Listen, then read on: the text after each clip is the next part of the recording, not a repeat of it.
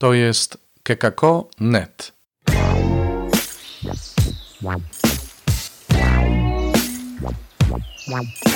Poranny suplement diety. Komentarz ojca Alvaro Gramatyka do Ewangelii według świętego Marka, rozdział 3, wersety 20 do 35. Na dziesiątą niedzielę zwykłą, 6 czerwca 2021 roku. Potem przyszedł do domu, a tłum znów się zbierał tak, że nawet posilić się nie mogli.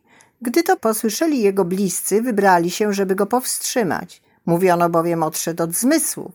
Natomiast uczeni w piśmie, którzy przyszli z Jerozolimy, mówili: Ma Belzebuba i przez władcę złych duchów wyrzuca złe duchy. Wtedy przywołał ich do siebie i mówił im w przypowieściach: Jak może szatan wyrzucać szatana? Jeśli jakieś królestwo wewnętrznie jest skłócone, takie królestwo nie może się ostać. Jeśli dom wewnętrznie jest skłócony, to taki dom nie będzie mógł się ostać. Jeśli więc szatan powstał przeciw sobie i wewnętrznie jest skłócony, to nie może się ostać, lecz koniec z nim. Nie, nikt nie może wejść do domu mocarza i sprzęt mu zagrabić, jeśli mocarza wpierw nie zwiąże i wtedy dom jego ograbi.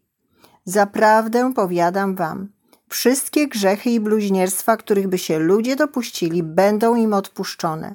Kto by jednak zbluźnił przeciw Duchowi Świętemu, nigdy nie otrzyma odpuszczenia, lecz winien jest grzechu wiecznego. Mówili bowiem, ma ducha nieczystego. Tymczasem nadeszła jego matka i bracia i stojąc na dworze, posłali po niego, aby go przywołać. Właśnie tłum ludzi siedział wokół niego, gdy mu powiedzieli: Oto twoja matka i bracia na dworze pytają się o ciebie. Odpowiedział im: Któż jest moją matką i którzy są braćmi? I spoglądając na siedzących dookoła niego, rzekł: Oto moja matka i moi bracia, bo kto pełni wolę Bożą, ten mi jest bratem, siostrą i matką. Fragment proponowany przez dzisiejszą liturgię dotyczy bluźnierstwa przeciwko Duchowi Świętemu. W przeciwieństwie do innych grzechów i bluźnierstw, grzech ten nigdy nie zostanie przebaczony. Wypowiedź Jezusa wydaje się dziwna. Co to znaczy? Jezus przemawiał do tych, którzy twierdzili, że jest opętany przez przywódcę demonów, a nie, że jest pełen Ducha Świętego.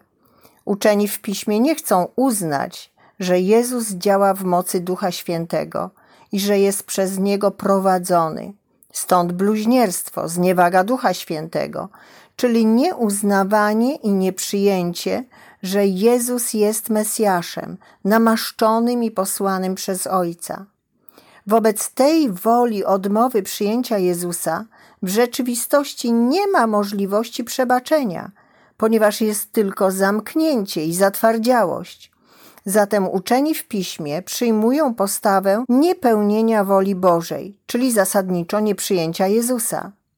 W konsekwencji ten fragment Ewangelii podkreśla kontrast między postawą uczonych w piśmie a tymi, którzy przyjmują Jezusa, którzy siedzą wokół niego, aby go słuchać, a nie krytykować. To są prawdziwi uczniowie, prawdziwa matka i bracia. W rzeczywistości tym, co łączy nas z Jezusem, jest gotowość przyjęcia Jego osoby, Jego działania i Jego słowa. To przyjęcie wykracza poza wszelką wiedzę typową dla uczonych w piśmie i jakikolwiek inny rodzaj bliskości podyktowanej praktyką religijną nakazany przez krewnych. Przyjęcie Jezusa wymaga jedynie wewnętrznej gotowości do zaakceptowania sposobu działania Jezusa, nawet jeśli wykracza to poza ustalone przez nas kanony. Prawdziwa religia rodzi się z otwartego i odważnego serca. Ale co sprawia, że jesteśmy otwarci i odważni, by nie popaść w grzech uczonych w piśmie i osądy członków rodziny, którzy myśleli, że Jezus odszedł od zmysłów? Co zrobić, aby nie sprzeciwiać się działaniu Ducha Świętego? Fragment ten sugeruje bardzo prostą postawę: siedzieć wokół Jezusa. Siedzenie wokół Jezusa wskazuje na gotowość nadania priorytetu nie temu, co wiem i co potrafię robić, ale mojej potrzebie słuchania słów nadziei, potrzebie pomocy Jezusa. Nasza potrzeba usuwa wszelką pychę, uwalnia nas od zatwardziałości i stawia nas w pokornej otwartości na Jezusa. Aby pełnić wolę Bożą, potrzebujesz Jezusa, więc nie wstydźmy się naszej biedy, ale wykorzystajmy ją, aby siedzieć wokół Jezusa. To był poranny suplement diety. Czytajcie Słowo Boże, dzielcie się nim, na przykład pisząc na adres redakcja małpa.kekako.net.